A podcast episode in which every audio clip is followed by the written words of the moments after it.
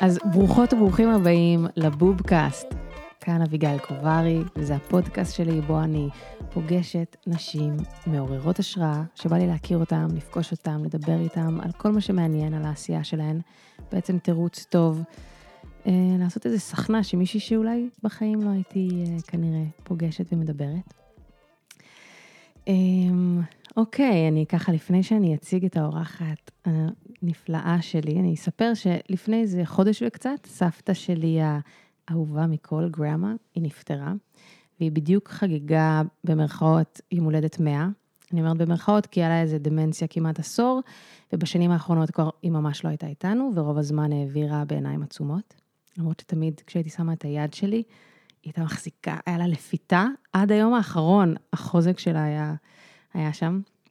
ויום אחד אמא שלי שמה לב כמה, כמה זמן לפני שהיא נפטרה, שקשה לה לבלוע, והיא כבר הכירה את הסימנים האלה כשאבא שלה גסס. אמ, הנשימות של סבתא שלי נהיו שטחיות, והיא נכנסה רשמית לטיפול הוספיס ביתי, ואחרי שבוע בערך היא שאפה את נשימותיה האחרונות.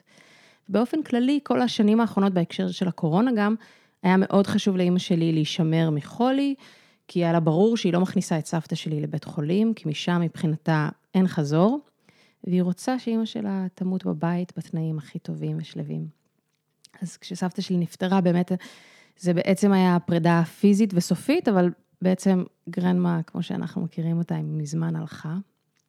ובשבעה, בבית של ההורים שלי בירושלים, שמעתי איזה יום אחד את אימא שלי כזה מעבר לחדר, מספרת לחברים, למבקרים, שההורים שלה אף פעם לא דיברו איתה על מוות. לא ברמה העמוקה ולא ברמה הלוגיסטית כזה. מה הם, היא ואחותה צריכות לעשות ביום שזה יקרה, איפה, מה, מי, מו, ביורוקרטיה. וזה הפתיע אותי לשמוע אותה מדברת ככה, כי גם אבא ואימא שלי לא מדברים איתי על מוות ולא עם אף אחד. והדממה הזאתי סביב הנושא הזה ממשיכה לעוד דור. ואני ואחותי תמיד אומרות בחצי צחוק, שאנחנו יצאנו כאלה שבריריות, כי ההורים שלנו פשוט חסכו מאיתנו חדשות רעות. היינו מגלות אחרי איזה חצי שנה שמישהו שאנחנו מכירות נפטר, והם פשוט לא, לא סיפרו לנו, כי כזה לא רצו להציב אותנו. וספוילר, השיטה הזאת היא ממש לא עובדת. אז אני ממש מוצאת את עצמי מבקשת בתוך הלב שלי, שהם יעשו איתי את השיחה הזאת. כאילו, עד 120, בעזרת השם, אבל שיקחו אותי ואת האחים שלי, ועם כל הכאב והקושי העצום, יפתחו שיחה על זה. אגב, כמו שהייתי רוצה שהם ידברו איתי על סקס. כאילו, שנייה, בלי מבוכה, בלי... אמ, אז אני רוצה את השיחה הזאת מההורים שלי קודם כל, אבל גם כמובן מהחברה ומהסביבה. ואני חושבת שאנחנו חיות בתרבות שמדחיקה את המוות ואת ההזדקנות רחוק רחוק מאיתנו. אז בעצם כל זה היה להגיד שהזמנתי פה מישהי שתעשה איתי את השיחה הזאת, שאף פעם לא עשו איתי, סיוון תמיר משגב. אהלן. בוקר טוב. וואו, וואו, איזה הקדמה. בא לי להגיד, בא לי לפתוח סוגריים על כל מילה שהייתה שם בהקדמה הזאת. זה יקרה, כן, תזכרי. אה, אני אציג אותך, איזה כיף שאת פה. ממש כיף להיות פה. אה, אז סיוון, שכפי שהיא מתארת את עצמה, היא נוגעת בחיי המקצועיים בשני הקצוות של החיים. כדולה ויועצת הנקה מוסמכת IBCLC, היא עזרה למאות אמהות טריות לפגוש את תינוקן לראשונה, וכאחות אקדמאית מוסמכת BSN, היא מלווה משפחות בתהליכי פרידה ומביאה את בשורת הטיפול הפליאטיבי בסוף החיים. אני חוזרת, בשורת הטיפול הפליאטיבי, אני אומרת את זה נכון? פליאטיבי. פליאטיבי, mm-hmm. בסוף החיים. אני כבר שומעת בניסוח הזה אג'נדה, mm-hmm. and I like it. בשורה. בשורה. בשורה. Mm-hmm. ואת גם מרצה בנושא ומזמינה mm-hmm. אנשים לבוא לדבר על המוות ולהישאר בחיים. נכון. ובמישור האישי את נשואה ואימא לארבעה. נכון. אז שלום, יום שישי בבוקר, באנו לדבר על המוות. לגמרי. אמ, אני, אני אגיד למאזינות, okay. אוקיי. למאזינים, שכאילו אל תכבו אותנו עדיין, כי אני, אני מבטיחה שהבאתי לכאן את האורחת הנכונה לדבר, יהיה כאן הומור, תהיה לא, כאן שמחה. לא, אני בדיוק רציתי להגיד על מוות וסקס, אמרת שזה שני דברים שאת רוצה שידברו איתך על זה, אז בואי, זה פשוט אותו דבר. ככה נשמור אותם כאן. כן, כן. אה, צפוי סקס בהמשך התוכנית. יש. כן, אל תלכו לשום מקום. אנקדוטה חמודה זה ש... באמת בלוויה של סבתא שלי, הגעתי מאוחר, פספסתי את הקבורה, הייתי עם לייב, והיה כפור, זה היה הר מנוחות, והייתי כזה עם מלא שכבות, ולייב בכה, והגעתי, ורציתי להניק אותו, ולא היה איפה להניק אותו, זה הכל כזה הקברים. כן. ואז אח שלי אמר כזה, יאללה, תניקי אותו על הקבר של Grampa. הוא בטח ישמח.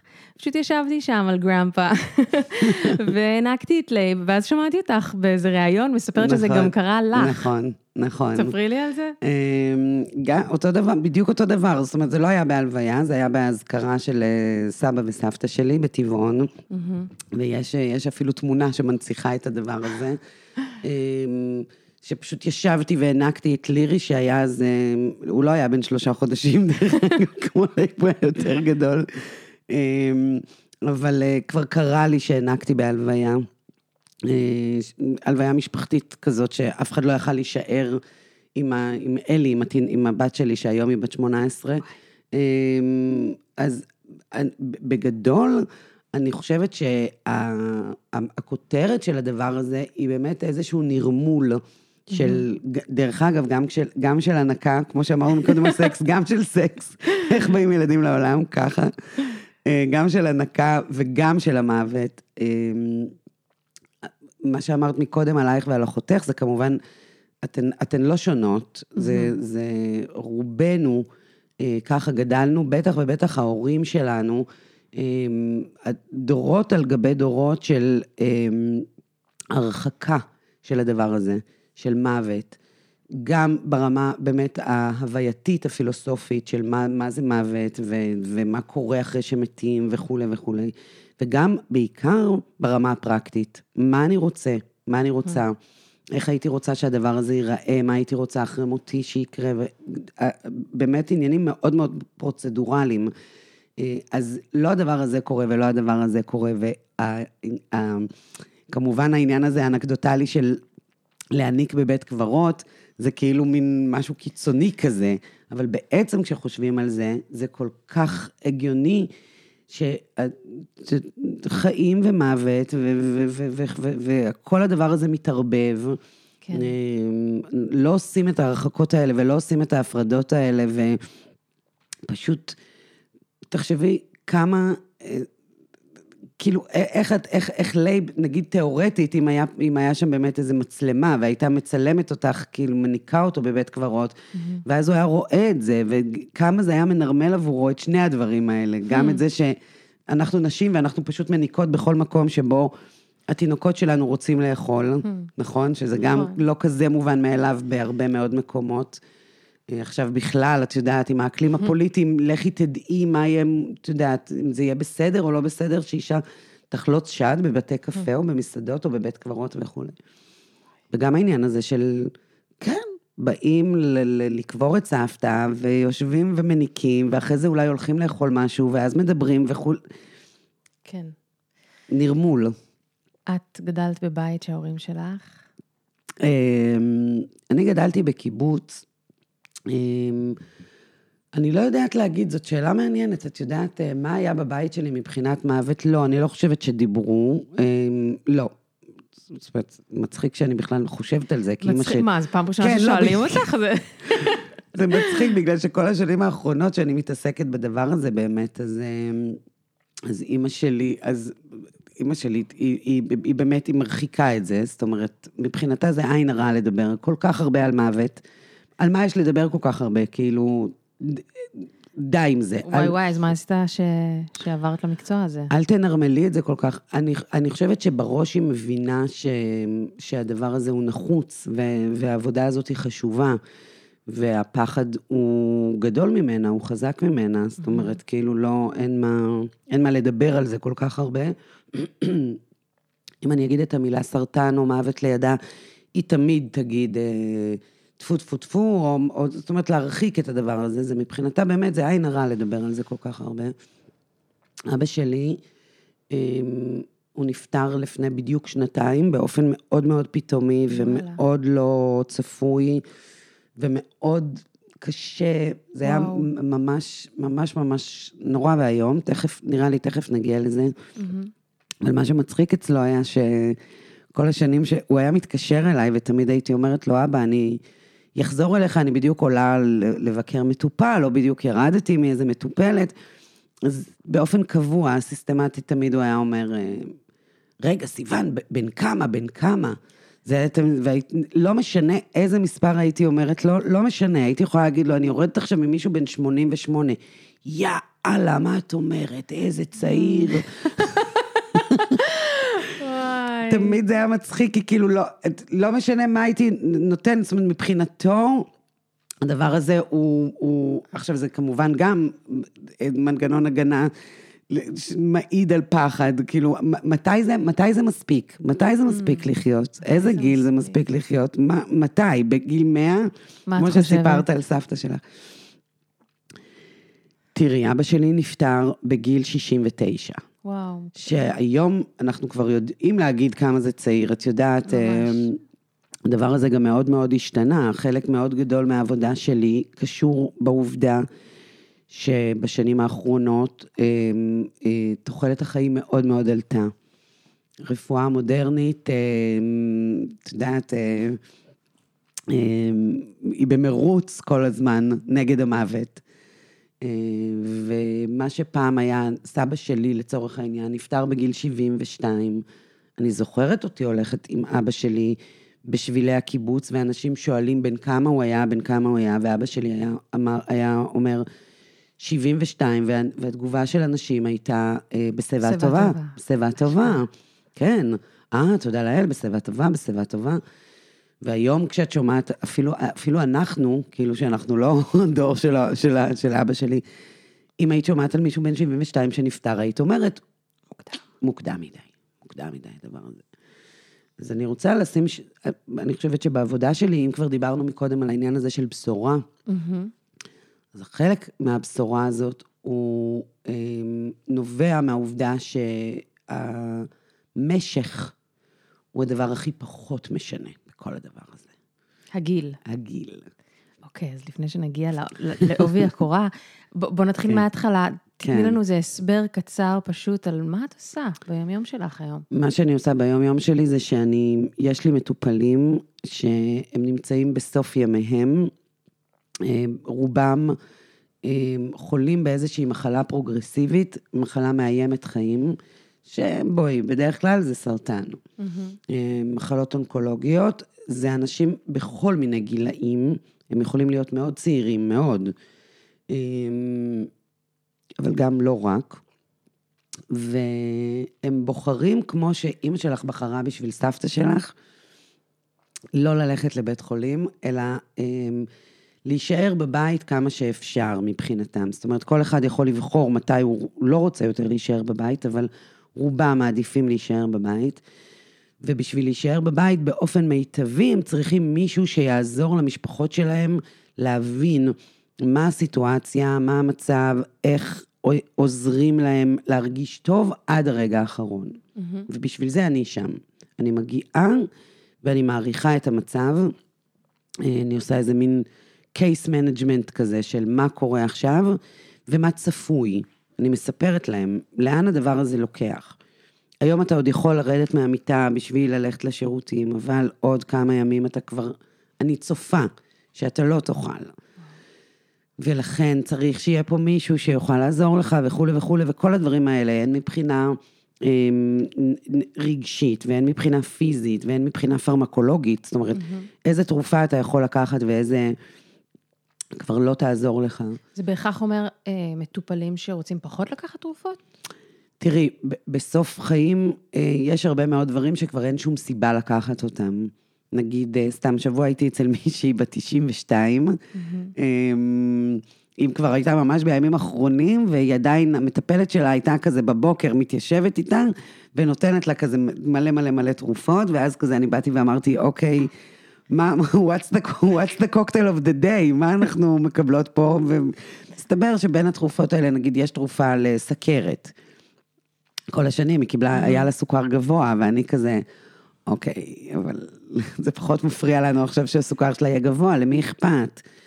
ופתאום, רגע, אנשים באמת עוצרים, זה, זה, זה, זה תמיד קטעים נורא מעניינים בעיניי.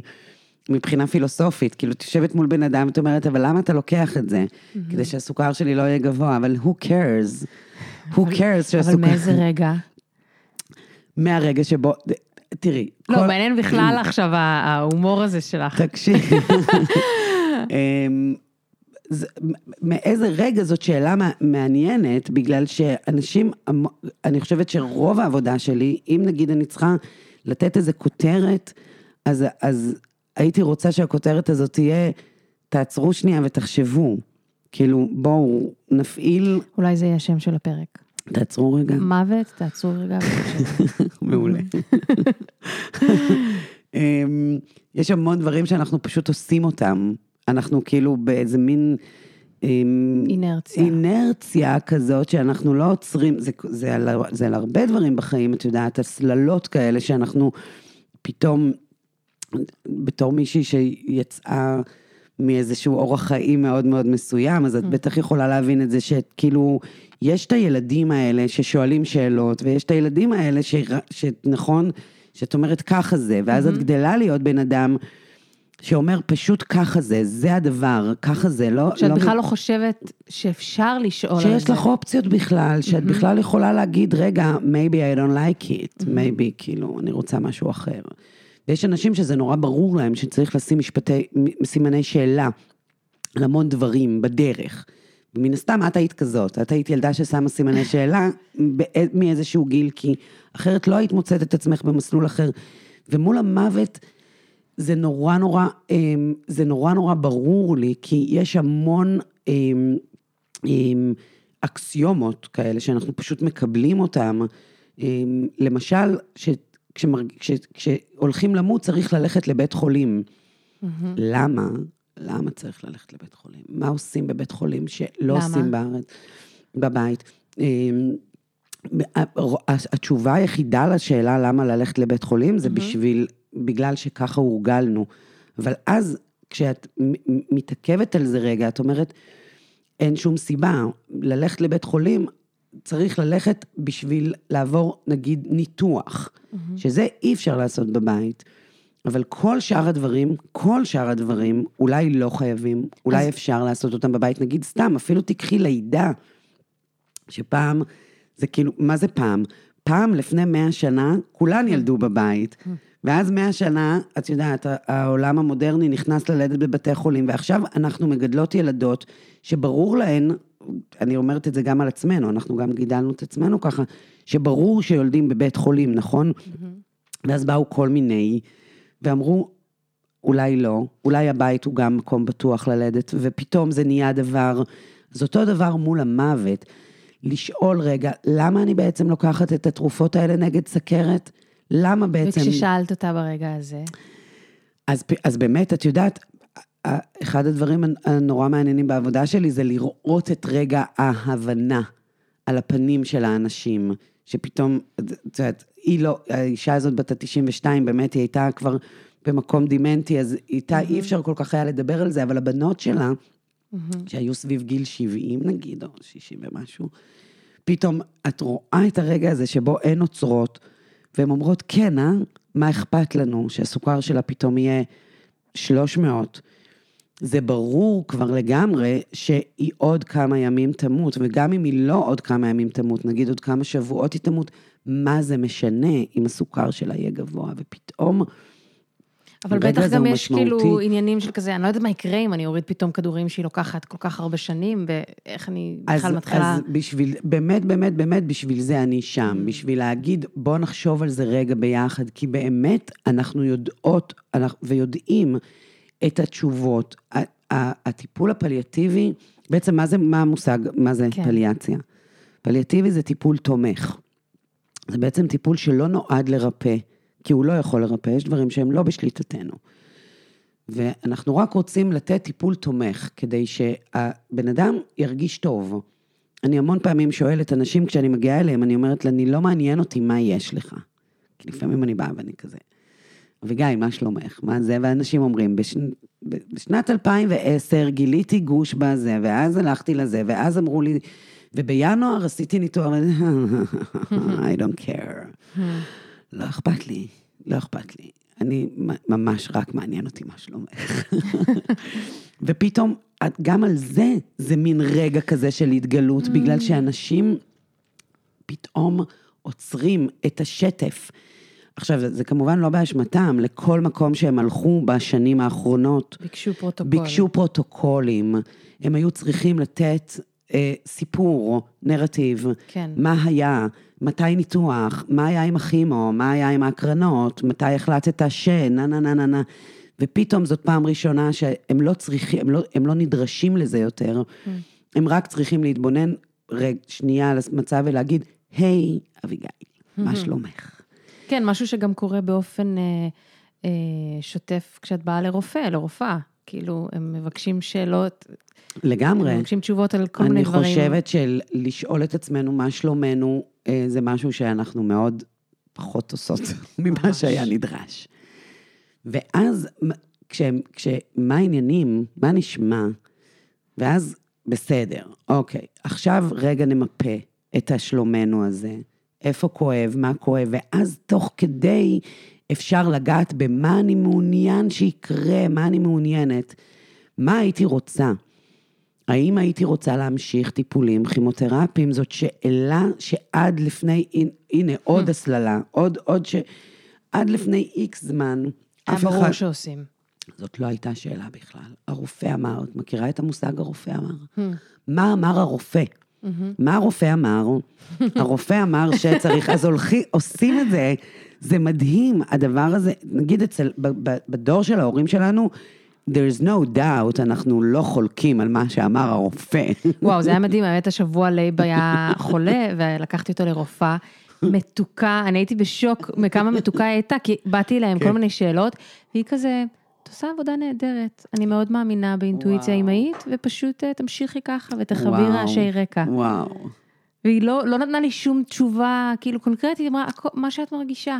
אין, אין כן ולא, אין שחור ולבן, כן. יש כזה, מה את חושבת, ופתאום אנחנו חלק... זה הופעה? לא הבנתי, אני, אני בקופת חולים מאוחדת? איפה אני?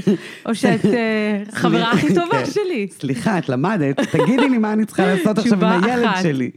אה, אז זה ממש ממש ככה. עכשיו, זה קשה נורא, זה קשה, באמת זה קשה, אני מבינה את זה, גם לי זה קשה. אנחנו רוצות תשובות. אנחנו רוצות מבוגר אחראי, אנחנו רוצות שמישהו יגיד לנו מה לעשות. אמ, ברמה היותר חברתית, אה, זה, זה, זה, זה מאפשר לנו, את יודעת, להיות במקום של שליטה. יש מישהו, הוא יודע מה צריך לעשות, אמ, כמה שפחות לשאול שאלות, כי אז זה יהיה עלינו הדבר הזה. Hmm. אמ, וזה, וזה באמת דבר, את יודעת, זה באמת, באמת, זה באמת איזשהו סוויץ' בראש שצריך לעשות בעיניי על כל דבר בחיים, זאת אומרת, כמעט על כל דבר בחיים, אבל מול המוות, ואם אני רגע מחזירה אותנו ל, ל, למילה בשורה, mm-hmm. אז הבשורה היא שכשאנחנו אה, נותנות לעצמנו את הבחירה החופשית בתוך מקום כזה, המוות הופך להיות משהו טוב. זאת הבשורה.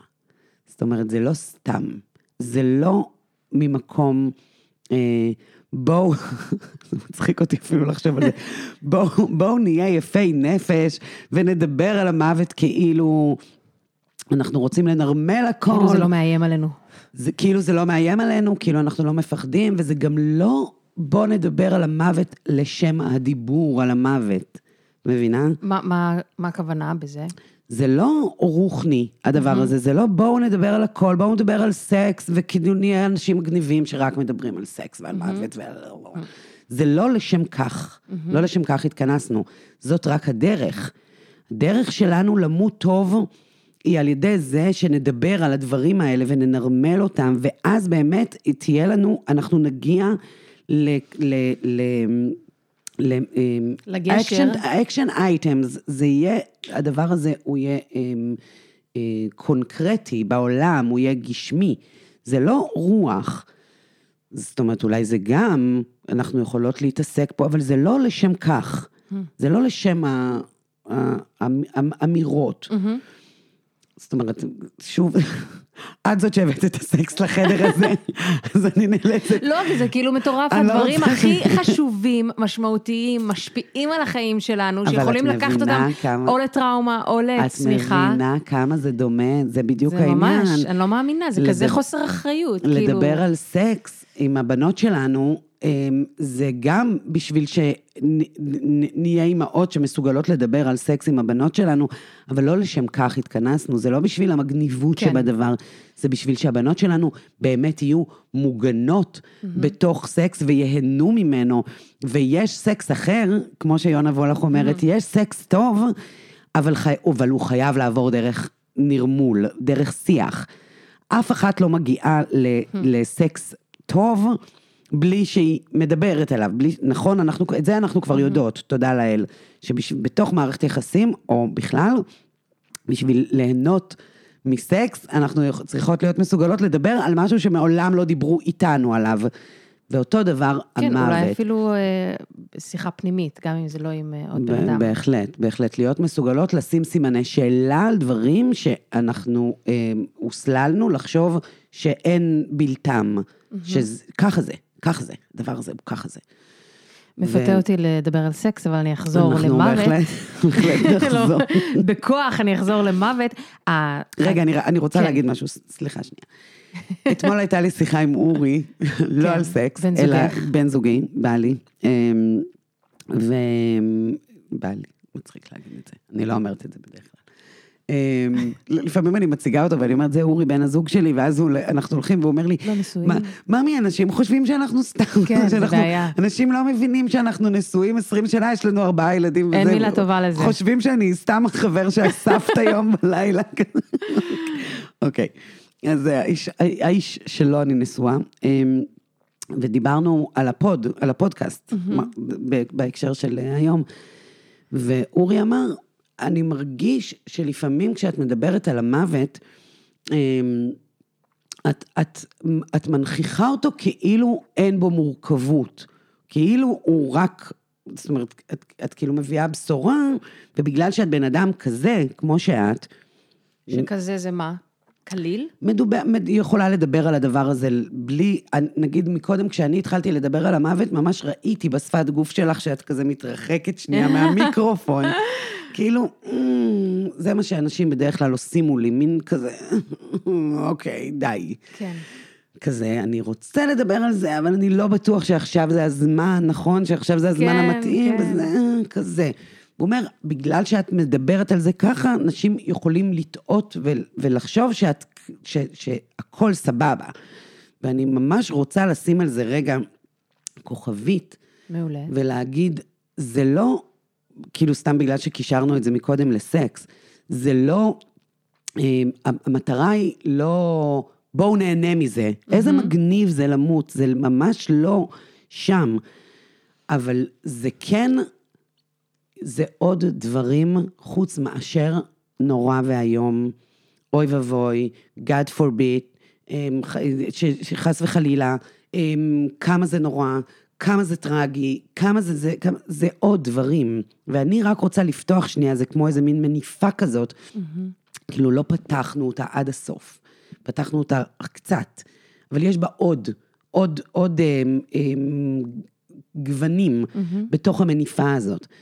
האם אנחנו יכולות להגיד, גרני מתה, וזה ממש ממש בסדר, היא כבר הייתה, לא היא, הרבה מאוד שנים, יכול להיות שאפילו היא סבלה בשנים האחרונות, אני לא רק עצובה, כמו שחינכו אותי לחשוב, שמוות הוא רק עצוב, אני לא רק עצובה, מותר להגיד את זה, מותר להגיד את זה בקול רם, אני מוקלת, מותר להגיד שזה לא כזה נורא כמו שחשבו, את מבינה? לגמרי. כל מיני דברים כאלה, זה מה שאני רוצה. כן. שאנשים יוכלו להגיד, זה לא רק, זה גם כן. וגם.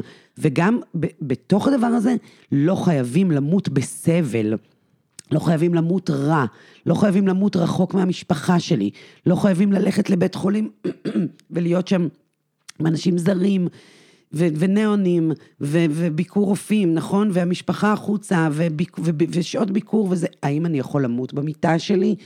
כך אני בוחרת. האם אני רוצה שזה וזה וזה, האנשים האלה יהיו לידי כשאני מתה? האם... אה, זה הדבר, mm-hmm. זאת המשמעות של העבודה שלי, זאת הבשורה שאני מביאה, שאנחנו בתוך הדבר הזה יכולות לבחור משהו שלפני זה לא הייתה בכלל שאלה, שזה לא היה בשליטתנו. בוא ניקח את זה רגע, בוא נתכונן על זה. בוא, בוא נבין איך אנחנו רוצות שהדבר הזה יקרה.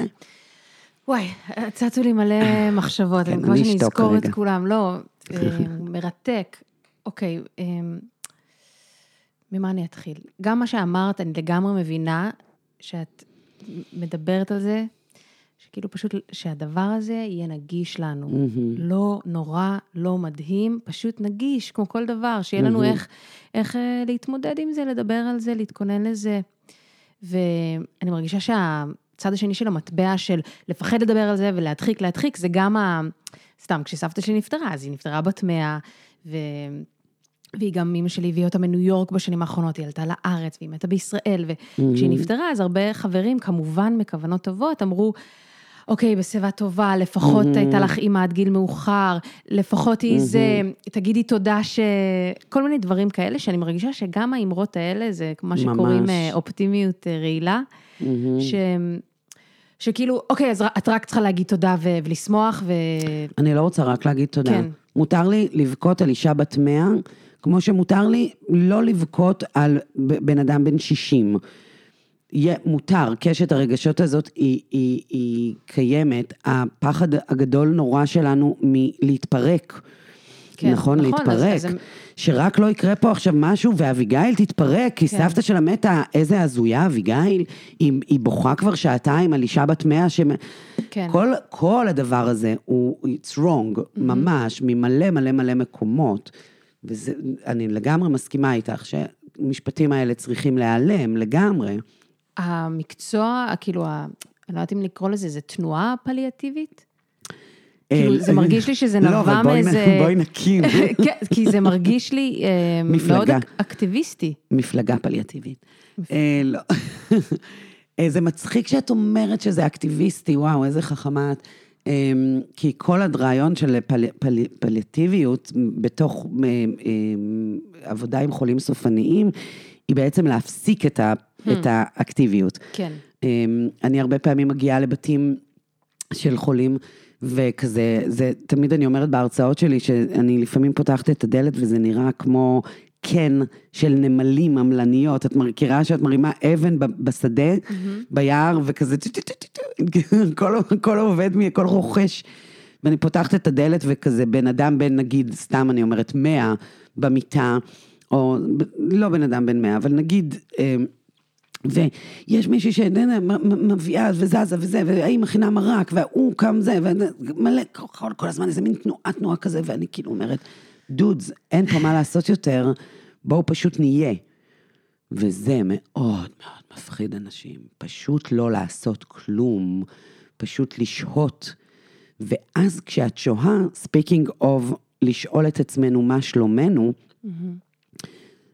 שזה מפחיד מאוד לשאול, היי, מה שלומי היום? כן. אז אותו דבר זה, לשבת, אנשים לפעמים מתקשרים אליי, והשבוע, לפני שבוע הייתה איזה מישהי שהתקשרה אליי, לא, אני לא מכירה אותה, והיא שמעה עליי וזה, התקשרה אליי והיא אמרה לי, תקשיבי, אבא שלי עומד למות, מה לעשות? ואני כזה, כלום, שום דבר, פשוט תהיי לידו רגע ותחזיקי לו את היד, והוא הו הו הו, וואו, הדבר הזה הוא קשה ממש. להיות בלי לעשות כלום, רק לשבת וללטף, נגיד, ולהגיד, אני אוהבת אותך, זה דבר כל כך כל כך קשה, אז אנחנו רוצים לברוח ממנו, ואז באמת אנחנו מנסים נורא להיות אקטיביים כדי לא להתמודד עם רגש. כן.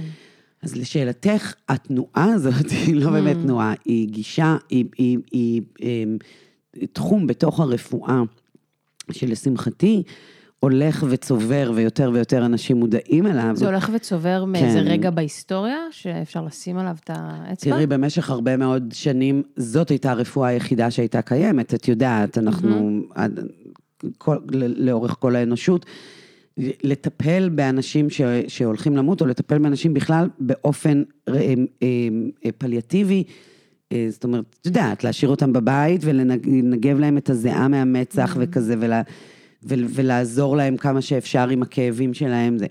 ברגע שהרפואה המודרנית השתלטה על ה... על ה את יודעת, על ההמצאות והמחקרים, ואיך אפשר להאריך חיים, ואיך אפשר באמת להציל, להציל נהיה הדבר. Mm-hmm. פתאום, את יודעת, פעם אנשים בני 40 מתו מנזלת, והיום אנחנו באמת מצילים אנשים שממש, הסרטן שלהם מאוד מאוד מפושט, ופתאום אנחנו מצליחים. אה, אבל הדבר הזה בא with a price. הדבר הזה בא, אנחנו משלמים מחיר. ההצלה. ההצלה הזאת, או, או ההערכה הזאת של משך החיים, אה, הוא מגיע עם מחיר. ואני, מה המחיר מבחינתך? המחיר הוא תוחלת חיים, יש לזה מושג ברפואה שנקרא תוחלת חיים מוגבלת. זאת אומרת, ככל שהעלינו את, את תוחלת החיים, כך העלינו את תוחלת החיים המוגבלת שלנו, mm. זה אומר בעצם כמה שנים אנחנו נצטרך לחיות בעודנו מוגבלים על ידי משהו. אני ואת, ברור לנו שאנחנו כבר בדור שהולך לחיות הרבה זמן. עכשיו, נכון, בא לך להגיד טפו טפו טפו, ידעת את קלט, מבינה? בטח. קלטתי את זה. טפו טפו טפו. אנחנו הולכות לחיות הרבה זמן, זאת אומרת, אנחנו, הדור שלנו והדור של הילדים שלנו בכלל, אומרים שהתינוקות שנולדים עכשיו, הם הולכים לחיות עד גיל 150, זה יהיה הממוצע. באמת? כן, אבל אנחנו לא נהיה כמו שאני ואת עכשיו, חמודות כאלה, יושבות, רגליים מסוכלות על הספה, את יודעת, יכולות להתנועע בחופשיות, תכף נצטרך פיפי, נקום נלך לעשות פיפי וכולי. הדבר הזה מגיע עם מחיר. יש בעיות אה, אה, של, שיגבילו אותנו, ואנחנו נצטרך לחיות איתם הרבה יותר שנים מאשר mm. חיינו איתם בעבר. ואז נשאלת השאלה, האם את מוכנה לזה? האם את רוצה את זה? אנשים אומרים... וואי, זו שאלה, אבל את חושבת שמישהו באמת יכול לענות על השאלה הזאתי? התשובה היא דפנטלי לא, כי אין לנו, זה כמו להגיד, איך אני הולכת להיות בלידה? את לא יודעת, mm-hmm. עד שלא תחווי את זה. אבל את כן יכולה להגיד איזושהי הצהרת כוונות. תראי, היו לי הרבה מטופלים לאורך השנים שאמרו, אה, כשאני כבר לא אוכל לקום מהמיטה, אז אני, אני לא רוצה יותר. אני לא מוכן, אותי לא תתפסי, אה, נכון, mm-hmm. אה, עם חיתולים, עם, אה, בכיסא גלגלים. אני לא אהיה. ואז מגיע הרגע הזה של הכיסא גלגלים, ואתה נדרש לפחות לדבר הזה עוד פעם. אז א', אף אחד לא תופס אותך במילה. Mm-hmm. זאת אומרת, גם, זה, זה לא שיש מה לעשות עם זה, זה לא שאם, אוקיי, כן. אני לא מוכנה יותר, אוקיי. את עדיין את, כן. ברגע הזה את את. את לא... אה, אבל יש איזושהי הצהרת כוונות, כי למשל, לשכב 15 שנה דימנטית עם אה, אולי צינור שדרכו מאכילים אותי, וצינור אולי שדרכו מנשימים אותי, זה ברור לי שאני לא רוצה, נכון? זה ברור לי שאני לא רוצה את הדבר הזה, ואת זה אפשר להגיד, בזה אפשר לשלוט. אמ, אני חושבת שמבחינה הזאת, הקורונה נגיד עשתה שירות מאוד טוב לתנועה, לתנועה הפליאטיבית שאנחנו הולכות, הולכות להקים אה, למפלגה שלנו. כי בעצם בפעם הראשונה דובר על, על, אמ, נכון, מי מגיע לבית חולים. אני לא יודעת, אולי, אולי זה רק אצלי. הסינון יותר. הדבר הזה פתאום דובר, שבעצם האנשים שעכשיו אנחנו נלחמים על חייהם ומנשימים אותם, זה דיירים של בית אבות, שרובם אה, דימנטים כבר הרבה מאוד שנים, הם בני מעל 95, ועל, ו, ופתאום בחדשות המילים שבהם השתמשנו בשביל לדבר עליהם היו נלחמים על חייהם של כרגע מונשמים בבתי החולים מונשמים כרגע, 15 mm. אנשים, זה לא אנשים כמוני וכמוך, שפתאום חטפו קורונה ועכשיו צריך להציל אותם. זה אנשים בסוף הימים שלהם, אתה מנשים אותם עכשיו חודשיים, לאיזה מצב אתה מחזיר אותם? לאיזה מצב אתה מחזיר אותם? שנייה, תבינו מה קרה פה עכשיו. ואת רואה את זה כפועל יוצא ישיר מהפחד שלנו, מהמוות. וואו, לגמרי. כן. תקשיבי, הטרמינולוגיה שבה אנחנו משתמשים, היא טרמינולוגיה הז... הזויה, לא נעים לי להשתמש בפועל הזה, אבל היא טרמינולוגיה הזויה. אנחנו נלחמים, אנחנו מצילים, אה, נכון, אנשים אומרים, הוא נכנע לסרטן אחרי שנים של מאבק. זה הכל מאוד מאוד הירואי ומאוד מאוד מיליטנטי, ויש פה אויב, ואנחנו mm. צריכים למגר את עצמנו מפני האויב הזה, והאויב, mm. מבינה?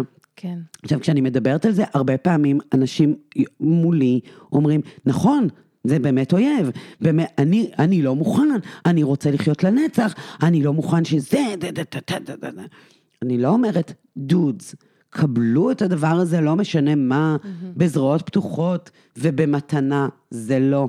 זה לא, זה לא הבשורה שאני כן. מביאה, אבל האם אתם מבינים שכשאנחנו נלחמים, ואני אומרת, אני, לא רואים את זה בשידור, אבל אני עושה מין גרשיים כאלה כפולים מעל המילה נלחמים, אנחנו נלחמים, אז כל אה, שלב פה יהיה הפסד, אנחנו נפסיד. והתחושה שנכנענו ושהפסדנו, היא תחושה קשה מדי בשביל להמשיך להסתובב איתה בעולם כחברה. Mm-hmm.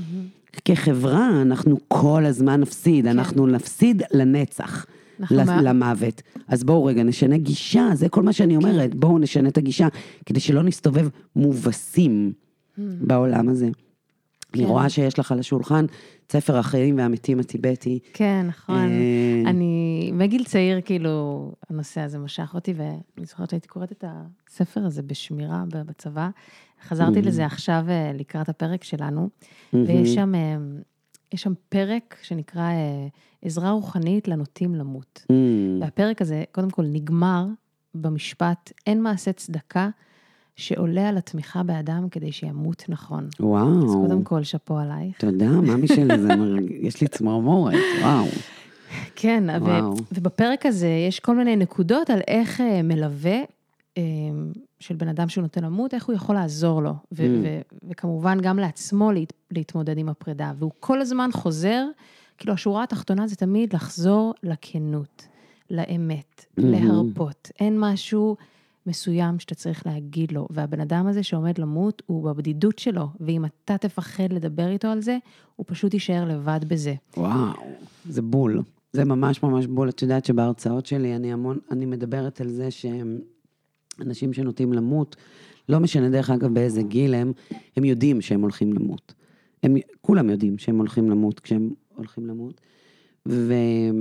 הם חיים... מתכוונת ממש בשלב כן, שנכנס, כן, כן, כאילו כן, ממש, גסיסה? ממש, ממש. אוקיי. ומחקרים גם מראים לנו שאפילו ילדים מאוד מאוד קטנים יודעים, mm-hmm. רואים את זה בציורים שלהם, ממש רואים את זה. יש ספר מדהים של אה, אליזבת קובלר רוס, זאת שבעצם המציאה את חמשת שלבי האבל, את מה mm. שנקרא מודל קובלר רוס, נכון, הכעס, ההכחשה, משא ומתן, כולם מכירים את, את הדבר הזה. אז היא עבדה עם ילדים ויש לה ספר מעולה שנקרא המוות חשוב לחיים, mm-hmm. שהיא מדברת שם על, ה... על איך רואים, איך מזהים אצל ילדים, אפילו ילדים ממש קטנים שלא מדברים, איך רואים עליהם שהם יודעים שהם הולכים למות ואיזה פרידה הם עושים. ורוב האנשים מחפשים את הפרידה הזאת לפני מותם. אה, והם יגידו משפטים שמזמינים אותנו להיכנס לתוך העולם הפנימי שלהם. למשל, משפט כזה שנראה לי שכולם מכירים, זה עד פסח הבא אני כבר לא אהיה פה. מכירה את זה שאנשים אומרים? ביום הולדת הבא אני כבר לא, את היום הולדת הבא תחגגו כבר בלעדיי, mm-hmm. כזה. ומה רובנו עונים למשפט כזה כשאנחנו שומעים אותו? מה פתאום, חס וחלילה, זה, כן. אל תדבר שטויות. כן, אל וואו. תדבר שטויות. Mm. עכשיו, את מבינה שכשבן אדם אומר דבר כזה, הוא בעצם מזמין אותך כן. להגיד, הרי מה בעצם הוא אמר פה? הוא אמר, אביגיל, תקשיבי רגע, מאמי, אני הולך למות. אני הולך למות. ומה שאת עשית בתגובה הזאת, את השארת אותו לבד בעולמו הפנימי, הבדידות הזאת שדיברת עליה מקודם, אמרת לו, היי, היי, חבר, תקשיב, אני לא פרטנרית. איתי לא מדברים על הדברים האלה. כן. וזה מה שכולנו עום כל הזמן. אני לא פרטנרית, אל תדבר איתי. כי אני לא יכולה איתי. לדבר על זה, לא בדיוק. כי אני באמת חושבת עליך כרגע. בדיוק. ובעצם העבודה שלי, רובה, היא ללמד אותנו איך כן אפשר לדבר, איך לא להשאיר את הבן אדם הזה בבדידותו. והכנות הזאת שאמרת עליה מקודם, היא מאוד מאוד משמעותית, היא מאוד מאוד חשובה, זה ממש מדהים שאמרת את זה. אמ, כי המון אנשים אומרים, אבל אין לי מה להגיד, אבל אני לא יודע מה להגיד, אבל מה אני אגיד, אני... אני, כאילו, אני לא יודע מה להגיד, ואני אומרת, לא, לא צריך להגיד שום דבר, אפשר גם להגיד, וואו, אני לא יודע, אני לא יודעת איך להתמודד עם המשפט הזה שאמרת עכשיו, מהמם. שעד היום הולדת הבאה את לא תהיי פה, אני ממש לא יודעת מה לעשות עם זה. אבל זה כבר פתח לשיחה. כן. מבינה? זה כבר פתח להגיד, אוקיי, שנייה, בוא נשים את זה רגע בינינו, בוא נשים את זה שעד היום הולדת הבאה אתה לא תהיה פה, ונדבר על מה הולך לקרות, ו... ואז אפשר לבכות, ואולי אפשר לצחוק, ואולי אפשר רגע להגיד, הכל בסדר, היו לי חיים ממש טובים, בואי נהיה פחות עצובות מהדבר הזה, או זה חרא ממש, אני רוצה לבכות שנייה, אבל, אבל אפשר לדבר. מה, מה הבן אדם הזה צריך. זה, ממש. כאילו, זה, זה באמת התחושה, אמ, כן, לא, לא יצא לי ל, להיות ליד נוטים למות. ברמה הזאת, אבל כשאנחנו הולכים לשבעה, זה התחושה הזאת מאוד עולה של כזה, מה אני אגיד, מה אני אגיד? מה יש להגיד? מה יש להגיד? תפסיקו להגיד כל או הזמן. בכלל, כש, כשחברה מספרת לך משהו מבאס, ואת כן. כל הזמן אה, מנסה לחשוב מה עכשיו יציל את הרגע הזה, איזה עצה אני יכולה לתת לך. אני חושבת שבאמת העניין הזה שאנחנו, אמר, אמר טוב, זה שוב העניין הזה של ההצלה. שלא להיות בדבר עצמו, אלא כאילו להימנע ממנו ולהתרחק ממנו ולהילחם בו ולהציל את עצמנו ממנו ולא להיות בכאב ולא להיות בפחדים ולא להיות בסופניות אולי של הדבר הזה אה, ולא להיות בעצב, ים העצב הנורא, לא להיות בעצב, רק, רק להגיד דברים ש... את יודעת שאני זוכרת, דווקא זה משפט טוב בעיניי, שאבא שלי מת, כשדיברנו על זה מקודם, והנה, תכף אני רוצה רגע להגיד כן. על זה משהו. אז אנשים אמרו לי, אה, אני משתתף בצערך, ואני זוכרת שחשבתי, יאללה, כאילו, א', תודה שאתה משתתף בצערי.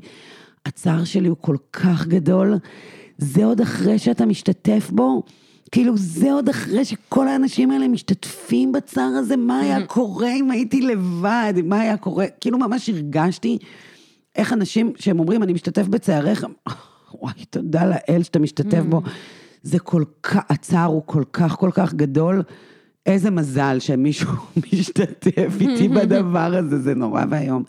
אבל באמת בהקשר הזה, של נגיד של המוות של אבא שלי, שהרגיש כמו בוקס בבטן מרוב שזה היה מפתיע, ההבדל העצום הזה בין מוות שאתה יכול להתכונן אליו לבין מוות שאורב לך, לך, מעבר לפינה, הוא עצום. והעבודה שלי עם הנוטים למות היא עבודה מאוד מאוד מאוד תהליכית. זה אנשים שיודעים שהם הולכים למות, או שהמשפחות שלהם יודעות שהן הולכות למות. יש פה זמן לעשות פרידה. היא קשה מאוד, היא יכולה להיות קשה מאוד, היא יכולה להיות גם לא. היא יכולה להיות עצובה מאוד, היא יכולה להיות גם לא. אבל דבר אחד היא לא, בטוח, היא לא מפתיעה. את מבינה? היא לא מפתיעה אותנו. וההפתעה הזאת היא כל כך חשובה בעיבוד בעין של הסיטואציה, כי כשהמוות מפתיע אותנו, 90 אחוז, אני, אני יכולה להגיד לך בוודאות, שנתיים, אבא שלי בחודש הבא זה שנתיים, בשנתיים האחרונות 90 אחוז מה... מה אה, צער שלי היה בגלל ההפתעה. ותגידי, זה שאת- בגלל שהופתעתי. זה שאת עוסקת בזה כל כך הרבה, זה... סליחה, זו שאלה מעצבנת לא, כזאת, לא, אבל בכלל לא כאילו... מעצבנת. זה... בטוח את חוש... חשב, את חושבת על המוות של ההורים שלך, מהמם. ובכלל, את מתעסקת בזה. וכאילו, זה איכשהו לא ריכך את ההפתעה, אולי כמישהי שנוגעת בזה כל כך. אני חושבת שבאיזשהו כאילו, אופן... לעולם אי אפשר, כן, כשהורה נפטר. אמ, אני חושבת שמה ש... תראי, אני לא יודעת, אמ, באמת זה מעניין, זאת אומרת, אני לא יודעת מה היה קורה אם לא הייתי עוסקת בדבר הזה. אה, את ההפתעה זה לא ריכך, זאת אומרת, את הדבר כן. הזה של מה קרה פה עכשיו, זה לא ריכך, כי זה היה מאוד מאוד מאוד מפתיע. הוא, הוא, הוא נפטר בגיל 69 מדום לב. וואו. אמ, אבל מה שאני כן חושבת שאולי זה עשה, וזה דרך אגב, יש על זה קטע בספר החיים והמת, המתים והחיים הטיבטי, אמ, זה יידד אותי, אם יש פועל כזה, יידד אותי עם, ה, עם המוות. הוא, הוא גרם לי, אמ, העבודה עם המוות גרמה לי להתיידד איתו באופן הזה שאני יודעת שהוא קיים, ולכן הצער שלי, נגיד, על הדבר הזה, על אבא שלי, הוא לא כל כך על זה שהוא מת עכשיו, אלא על זה שהוא מת לי לפני שנתיים. את מבינה למה אני מתכוונת? כן. העובדה שעכשיו הוא איננו, היא פחות עצובה לי, היא פחות כואבת לי. בגלל שאני יודעת, אני כל הזמן ידעתי שהמוות הוא, הוא, הוא, הוא, הוא כמו החיים, הוא פשוט פה כל הזמן. זה בסדר שאבא שלי מת. במוקדם או במאוחר, הוא היה מת. בדיוק כמו סבתא שלך, במוקדם או במאוחר, כולנו נמות, ואנחנו צריכים להבין את זה. ולכן, האם הייתי יותר עצובה אם אבא שלי היה מת בגיל 90 מאשר עצובה, בגיל ש... כן. פחות עצובה? יותר, אני, לא, רוב הסיכויים שלא. לא הייתי, כן. להפך, אני בעצמי הייתי יותר מבוגרת, היו לי עוד יותר שנים איתו. האם זה היה מרכך? לא, לא נראה לי, לא נראה לי. נראה לי שהייתי מאוד עצובה גם אם הוא היה מת בן 100. אני חייבת לשאול, כן. את מאמינה שיש חיים אחרי המוות? כאילו, איפה, יש לך אמונה כזאת בנוגע למה אה, חי- קורה? לא, לא. אני, אני לא מאמינה שיש חיים אחרי המוות, אני כן מאמינה שיש משהו באנרגט, באנרגיה שלנו שלא מת כשהגוף מת. זה כן, זה כן, זה אני אומר? מאמינה. שמעתי פעם את אה, ירדן בר כוכבא, את יודעת מי זאת? אם הבן שלך עוד לא מכיר את ענן על מקל, אז, אה, אז הוא חייב להכיר אותו, מוקדם ומאוחר. ירדן בר כוכבא היא, היא, היא שחקנית, היא זמרת, היא שם מדהימה, ובין יתר הדברים, היא, היא בעלה נפטר מסרטן, בגיל מאוד צעיר. אמ, ושמעתי אותה מדברת על, על המוות שלו, והיא אומרת, משפט שאני מאוד מאוד מזדהה איתה, איתו, אה, אם אנחנו מאמינים שהכל מת יחד עם הבן אדם, אז זה כאילו אמרנו שה, שבעצם בן אדם היה מורכב רק מגוף בעודו בחיים.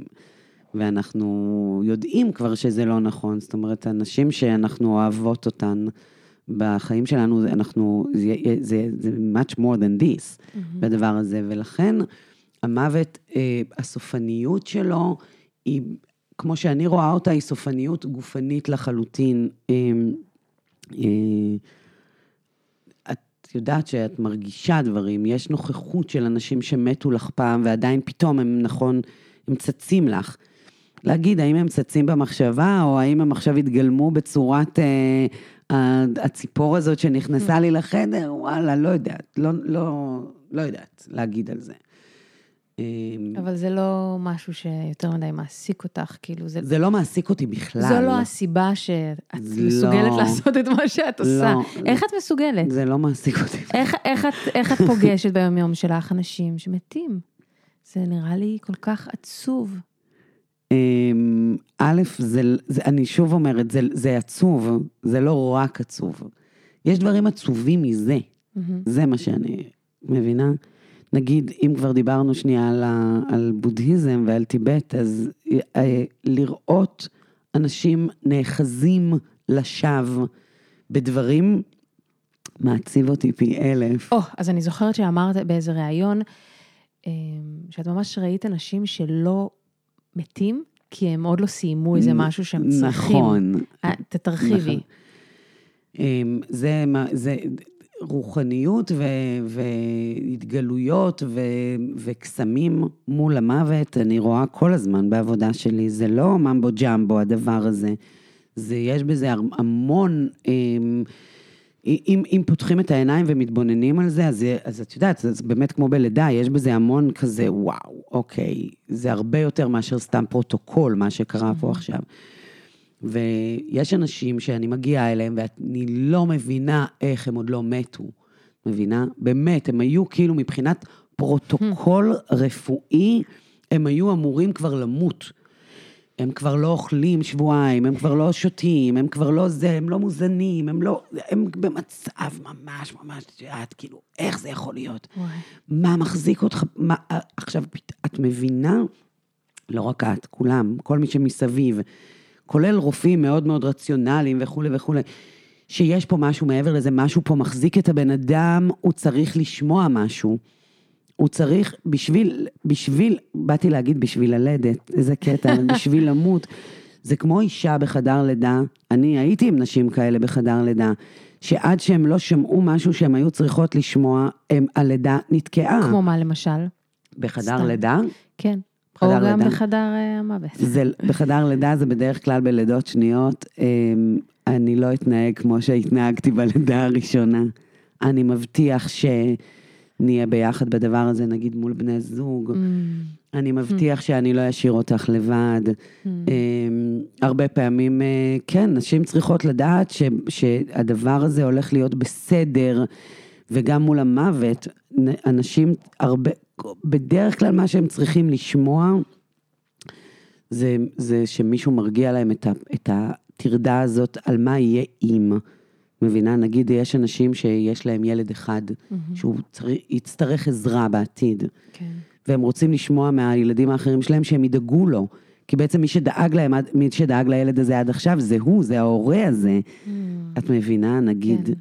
ילד שהוא פחות בסדר. אפילו ילד מאוד מבוגר, והם צריכים לשמוע שאני אומרת, אל תדאגי אמא, אני מבטיחה לשמור על בין האישה, אחותי הקטנה, או אחותי הגדולה, לא משנה. או אנחנו לא נריב. תמיד בהרצאות אני אומרת שמה שמטריד אנשים, הרבה פעמים, אני רואה את זה, זה מדהים, זה אימהות. אנשים שנוטים למות. נשים שנוטים למות, זה שהילדים שלהם לא יריבו. עכשיו זה מצחיק, זה קורע אותי מצחוק, לך יש רק ילד אחד עדיין, אבל כשיהיו לך יותר, את תראי שכל מה שמעניין אותך זה שהם לא יריבו, נכון? שלא יריבו, שרק הילדים לא יריבו, ופתאום את אומרת, מה? אני אמשיך להיות מוטרדת מזה עד יום מותי? כאילו, אל, ת, אל תריבו, תהיו חברים. לפעמים אני רק צריכה לשמוע. אנחנו מבטיחים להישאר בקשר, אנחנו מבטיחים לא לריב על כסף, אנחנו מבטיחים. יש לך איזה סיפור קטן כזה ש... שראית את זה בעינייך? ב- את השחרור הזה אחרי שנאמר משהו, אחרי שקרה משהו? בוודאי, וואו, בטח, אני רואה את זה ממש ממש כל הזמן, שאנשים לפעמים, הייתה לי לפני שבוע מישהי שאימא שלה מאוד מאוד מבוגרת, ממש כזה 90 ו... ו...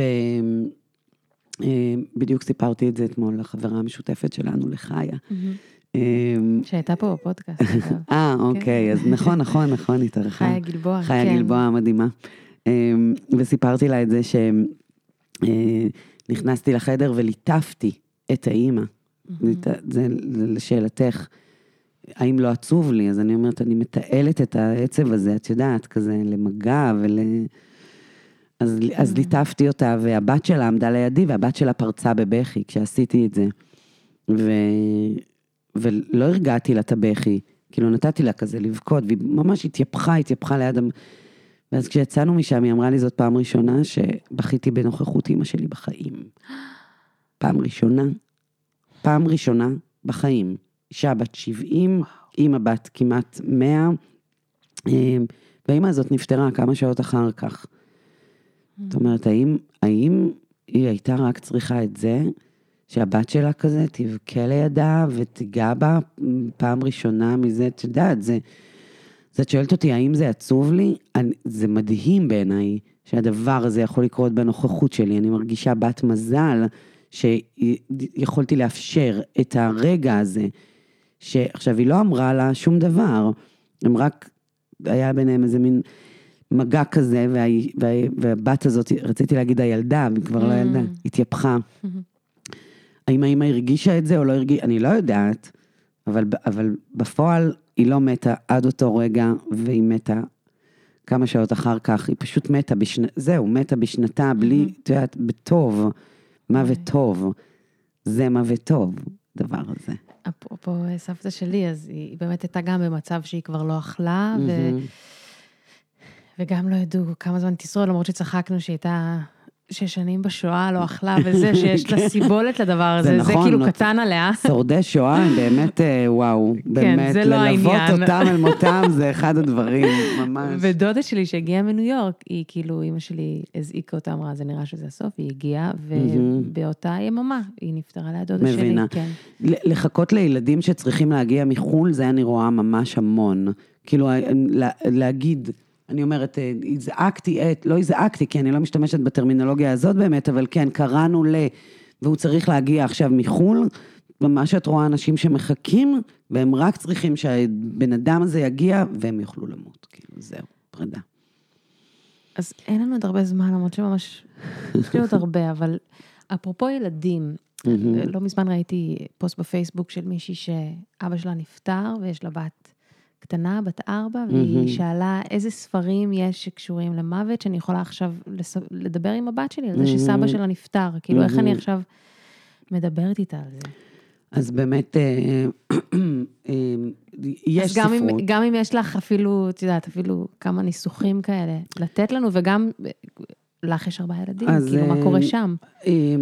נכון, אז באמת אמ, אמ, הגישה אומרת, הגישה שלי ושל הרבה אנשים אחרים באמת, בעניין הזה אומרת שהמוות אמ, הוא, הוא, הוא משהו משפחתי. זאת אומרת, זה, זה, זה, זה שייך למשפחה, הדבר הזה, ו, וכל המשפחה נוטלת בדבר הזה חלק. זה חלק מהנרמול הזה שדיברנו עליו מקודם. סבתא שלך מתה בבית שלה או בבית של אימא שלך? של אימא שלי שכבר היא, היא, זה כבר בבית שלה עשר שנים. זה הבית שלה עשר שנים. כן. אז נגיד אה, האחים שלך היו מגיעים לשם עם הנכדים, זאת אומרת כן. כבר נכדים הסתובבו כן. בתוך הסיפור כן, כן, הזה. כן.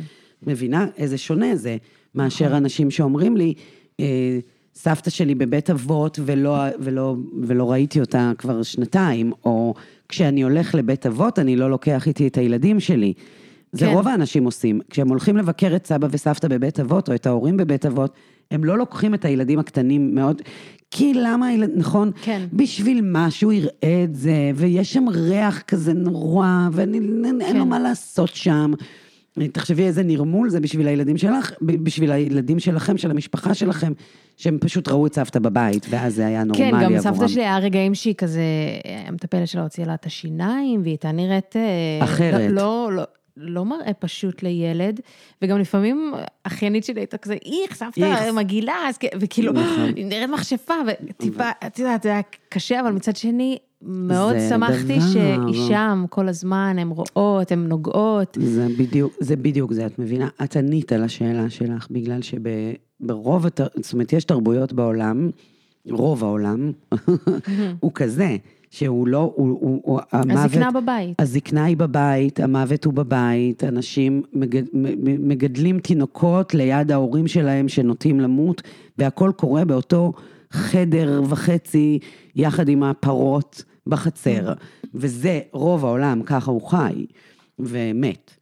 ורק בתרבות המערבית יש את העניין הזה של כאילו, ל- ל- ל- את יודעת, כאילו תחשבי, מה, מה עשינו פה? הרינו לעצמנו ברגל, מצד אחד הרחקנו את זה, נלחמנו בזה, עשינו הכל בשביל שזה לא יהיה בחיים שלנו, ועכשיו אנחנו באים ואומרים, רגע, איך נדבר עם הילדים שלנו על זה? מה נגיד לילדים? איך נתווך להם את הדבר הזה? את מבינה כמה כן. זה... ת, ת, אוקיי, בואו נתנגש עם האוטו בקיר, ואז נשאל את עצמנו, למה, נכון, למה, למה השמשה מנופצת? זה בדיוק אותו דבר. אז בואו נתחיל אחרת. בואו נ, ניקח רגע, rewind כזה, ונגיד, זה, ככה זה, ככה זה. זה חלק מהדבר, מהחיים. אנשים מזדקנים ואנחנו לידם, עם כל הגועל אולי, ועם כל הפחד, והדרך היחידה שאני מכירה לנרמל פחד היא, נכון? לדבר היא על לדבר זה. עליו ולדבר עליו. ובהרצאות שלי, speaking of ספרות, אני מדברת הרבה על הספר אה, דרקון, אין דבר כזה. Do you know it? No. אז אני... ל- לילדים? לילדים. כן, אוקיי, ראיתי את ה... מאמי שלי. כן. דרקון אין דבר כזה, זה ספר שמדבר על זה שילד מוצא מתחת למיטה שלו דרקון. הוא בא לאימא שלו והוא אומר לה, יש לי דרקון מתחת למיטה. והיא אומרת לו, אין דבר כזה דרקון. אל תדברי שטויות. אל תדבר שטויות. אין דבר כזה דרקון, אין דבר כזה מוות. היא אומרת, אין דבר כזה דרקון. כל פעם שהאימא אומרת, אין דבר כזה דרקון, הדרקון גדל. והוא גדל וגדל, והילד כבר לא יכול להתעלם ממנו, והאימא, היא ממשיכה להתעלם מהדרקון, והדרקון כבר אצלה בסלון. וואו. היא מטאטאה מסביבו, ומכינה את הבית מסביבו, וכל הזמן היא אומרת, אין דבר כזה דרקון, ודרקון גדל, ובסוף כל הבית מתמלא בדרקון, והבית עף בשמיים. הדרקון כאילו לוקח את הבית, ואז אין לה ברירה אלא להודות, אוקיי, פיין, יש דבר כזה דרקון.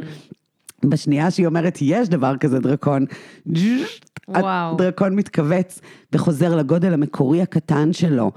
וזה ספר על מוות. את מבינה? עשינו מהדבר הזה דרקון כזה עצום, עכשיו ברור שאנחנו לא רוצים לחשוף את הילדים שלנו לדרקון הזה.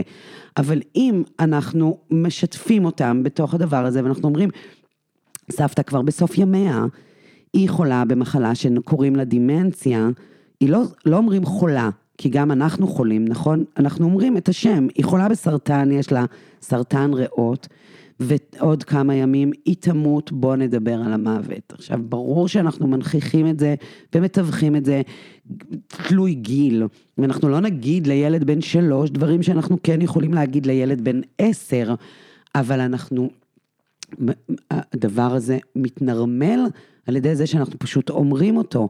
כן, אנשים שואלים אותי לקחת את הילדים שלנו להלוויות. אצל היהודים למשל זה דבר, כאילו, ביהדות, שלא להכניס ילדים לא לבית להכניס. קברות. לא להכניס. לא להכניס ילדים לבית קברות, נכון? אני לא יודעת, תגידי לי את. אם- נכון, אנחנו עשינו בכלל לוויה פרטית, בלי קשר, אבל Mhm. גם לא הביאו את ה- אז, את הילדים. אז, אז באמת אנשים נורא נורא מפחדים להכניס מלייב, ילדים. כבר חוץ- בגיל צעיר. שגם כפי ש... גם לייב וגם הציצי של לייב כיכבו כן. בבית, בבית העלמין. אמ, יש לי חברה שסיפרה לי השבוע שאימא שלה מתה, אמ, והם החליטו, זאת אומרת, הם החליטו לא לקחת את, ה, את הילדים, כי זה היה מוות כזה קצת טרגי, אמ, מאוד מפתיע. והם החליטו לא לקחת את הילדים הקטנים לבית, ה- ל- ל- ל- להלוויה, בגלל שהם פחדו פשוט שיהיו שם סצנות קשות, ושהם כן. לא יוכלו לתווך את זה לילדים בזמן אמת. מהמם. שזה אני מאוד מאוד מבינה.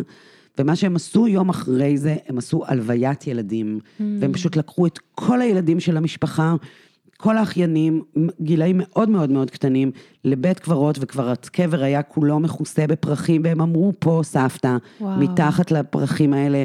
הגוף שלה נמצא, והם קראו דברים וציירו ציורים, והילדים הכניסו לבקבוקים אה, ציורים שלהם וטמנו אותם כבר בתוך ה...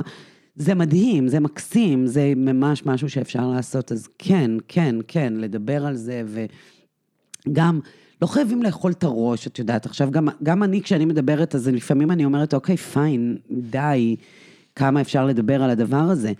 אבל ברגע שאת מדברת על זה כאילו זה חלק מה, מהחיים, אז זה לא כזה דיבור, זה לא, דרק, זה לא כזה דרקון. לא, לא מדברים על זה כל כך הרבה. או, וואו, כמה דיברתי. וואו. וואו. רגע, הייתה לי מחשבה. אמ, כאילו, אני מרגישה שזו בעצם שיחה גדולה יותר על, על אה, במה אני דוגלת, בהדחקה, או נכון. בהכלה. ובאמת הרבה פעמים, אה, זה אפילו לא הכלה, לא חייבים להכיל הכל, את יודעת, באמת, לא חייבים להכיל הכל. אפשר להגיד, זה, זה קשה לי מדי. אני לא מסוגלת. כאילו, גם אני... להגיד בוא, את בוא, בוא זה. נגיע ל- לגשר, בוא נחצה את הגשר אבל כשנגיע זה בדיוק אליו. העניין, בדיוק. זה, זה, זה אחרת מאשר להגיד, אני לא מוכנה לדבר על זה. יש הבדל מאוד גדול בין להגיד, זה קשה לי. מהמם. ואז אוקיי, מה יקל עלייך לדבר על זה, או מה יקל עלייך להתמודד עם זה, או כולי וכולי. מאשר להגיד, אני לא מוכנה לשמוע מזה, כי, את יודעת, בסרט של, יש סרט של ענת גוב, שנקרא על החיים ועל המוות, ובו יש איזו שורה שהיא אומרת שם, אה, אה, יש דבר אחד ודאי בחיים האלה, אחד, שנמות, אף אחד לא יוצא מהעולם הזה חי. ובכל זאת, כל פעם שהמוות מגיע, אנחנו, הפתעה מוחלטת. כאילו הפתעה מוחלטת, מה, מה, מה את כל כך מופתעת? מה חשבת שיקרה לסבתא שלך בת מאה? את מבינה? מה חשבת שיקרה? אבל עדיין אנשים מדברים על זה בטרמינולוגיה של הפתעה. אה, פרס, שמעון פרס, כשהוא מת, אז הכותרות בעיתון, הם היו כותרות, את יודעת עכשיו, דוד, הבן אדם היה בן 95, והוא עשה המון בחיים, המון. ובכל זאת, הכותרות היו שהרופאים... אדומות ושחורות. אדומות ושחורות, והרופאים נלחמים על חייו של פרס. למה אתם נלחמים על חיים של בן אדם בן 95? נגיד, נגיד תצליחו, תילחמו על החיים ותצליחו, ותצליחו להציל אותו. מה, מה, חש- מה אתם חושבים שיקרה בשנה הבאה, או עוד יומיים, או עוד שנתיים? מה יקרה? עד מתי, את מבינה? למה הלחימה הזאת, מה אנחנו רוצים להשיג בה? וזה מחזיר אותי לתחילת הפוד שאמרנו, הלחימה, הדבר היחידי שהיא אולי, אולי נותנת לנו, וגם זה לא בטוח, זה משך, זה אורך. Mm-hmm. האם היא נותנת לנו גם טוב? האם היא נותנת לנו גם נחת? Mm-hmm. האם היא נותנת לנו גם אושר? ו- ופתאום, ברגע שהשאלה הזאת נשאלת והתשובה עליה היא לא, היא לא. אני לא רוצה את הדבר הזה יותר, כי אני יותר ככה, אני לא רוצה להמשיך כמו שאני עכשיו, אני לא רוצה יותר להמשיך. אז המשך הוא נהיה הדבר הכי פחות חשוב פה. ונכון, בחירה החופשית והאושר שלי הם חשובים יותר. אז אה, בפעילות שלך, כאילו, למשל בהרצאות, מבחינתך, מה, מה המטרה כש, כשאת יוצאת להרצות? א', להרצאה שלי קוראים אימא למוות, כי זו הייתה התגובה של אנשים, זאת התגובה של אנשים כשהם שומעים מה אני עושה. הם אומרים, וואי וואי, לא, לא, לא, אל תספרי לי את זה, אימא לאימא לאימא לאימא אימא למוות. יש לכם מי לדבר על העבודה שלך? פתאום... הנה, אני מדברת כן. איתך. עכשיו, את יודעת שזה מדהים, בגלל שרוב האנשים אומרים, אימא לאימא אל תדברי איתי על זה, אבל אז כשהם מדברים איתי על זה, העיניים, בדיוק, העיניים שלהם הם כמו העיניים שלך עכשיו מולי, נדלקות. מהדבר הזה. אנשים כן רוצים לדבר על זה, וגם הרבה אנשים אומרים, וואי, זה מדהים, זה מדהים, כל הכבוד, אני לא הייתי מסוגל. אתה כן היית מסוגל, כן היית מסוגל. פשוט הפחד שלך מהדבר הזה גורם לך לחשוב שזה, תודה לאל שיש מישהו אחר שעושה את זה, אבל אני, אז המטרה שלי בהרצאות היא דבר ראשון להגיד, היי. בואו נדבר על מוות ונישאר בחיים, וזה, אנשים רואים שזה אפשרי. זו הרצאה כזאת של שעה, והיא הכי מצחיקה. ופתאום כזה, זה מתנרמל הדבר הזה.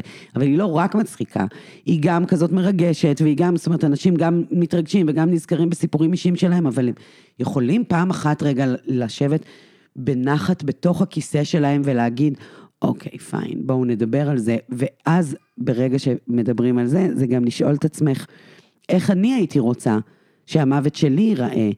ולהיות מסוגלת להגיד לילדים שלך, תקשיבו, אני לא רוצה ללכת לבית חולים, אני רוצה למות בבית שלי, אני רוצה שזה יהיה לידי וההוא יהיה לידי, אני רוצה לעשות ככה ואני רוצה לעשות ככה. אנשים פתאום מסוגלים, כמו שאמרת בהתחלה, לשים את זה רגע בתוך פרוצדורה.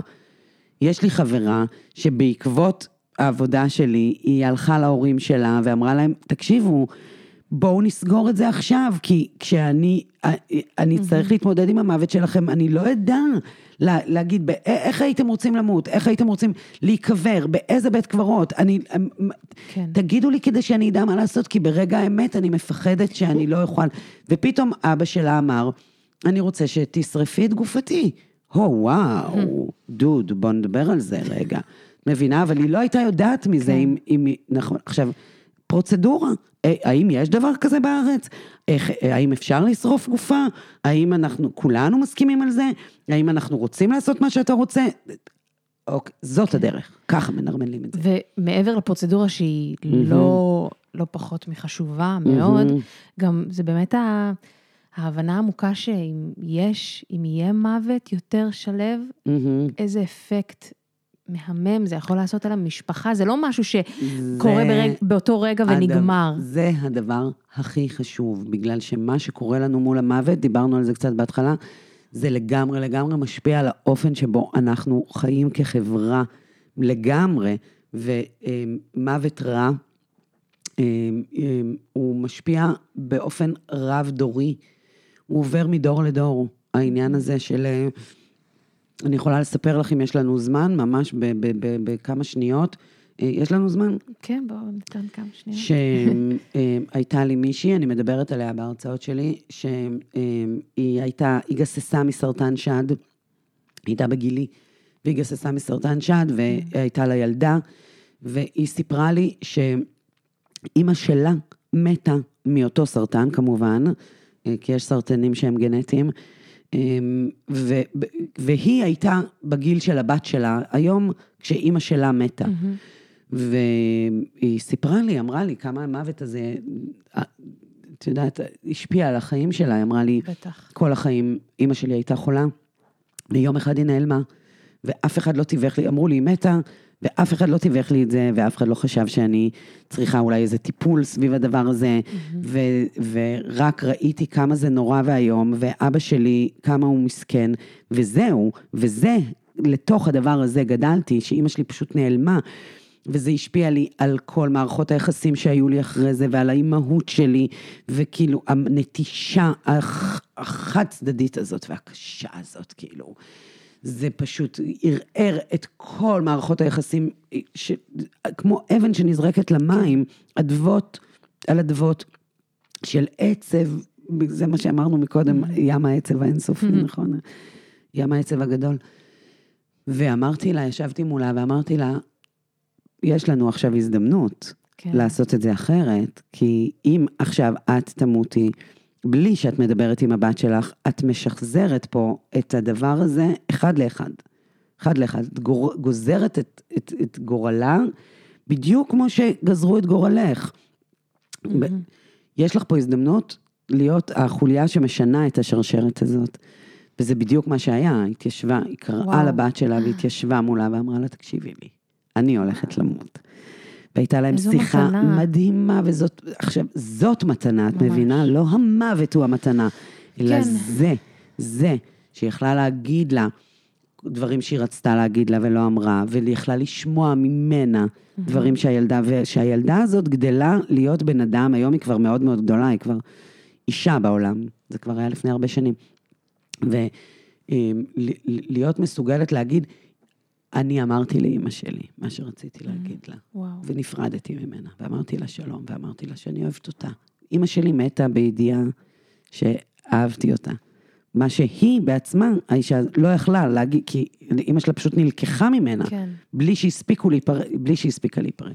וואו, זה זה. השינוי, את מבינה? בפרק הקודם הייתה כאן אה, מיכל רוזן, שהיא מיילדת. בטח, מכירה את כן, מיכל כמובן. והתחלנו עם המשפט אה, שהיא אמרה שהתחלות טובות משפיעות על העולם לטובה, אז אני ככה מחברת את זה לזה לגמרי. שסופים טובים משפיעים על העולם לטובה. אני רואה את זה כל הזמן. אנשים שידעו לעשות אה, מהקרובים שלהם פרידה טובה, ת- ממש, ממש שלבים מאוד מאוד גדולים באבל שלהם כבר עובדו, כבר קרו.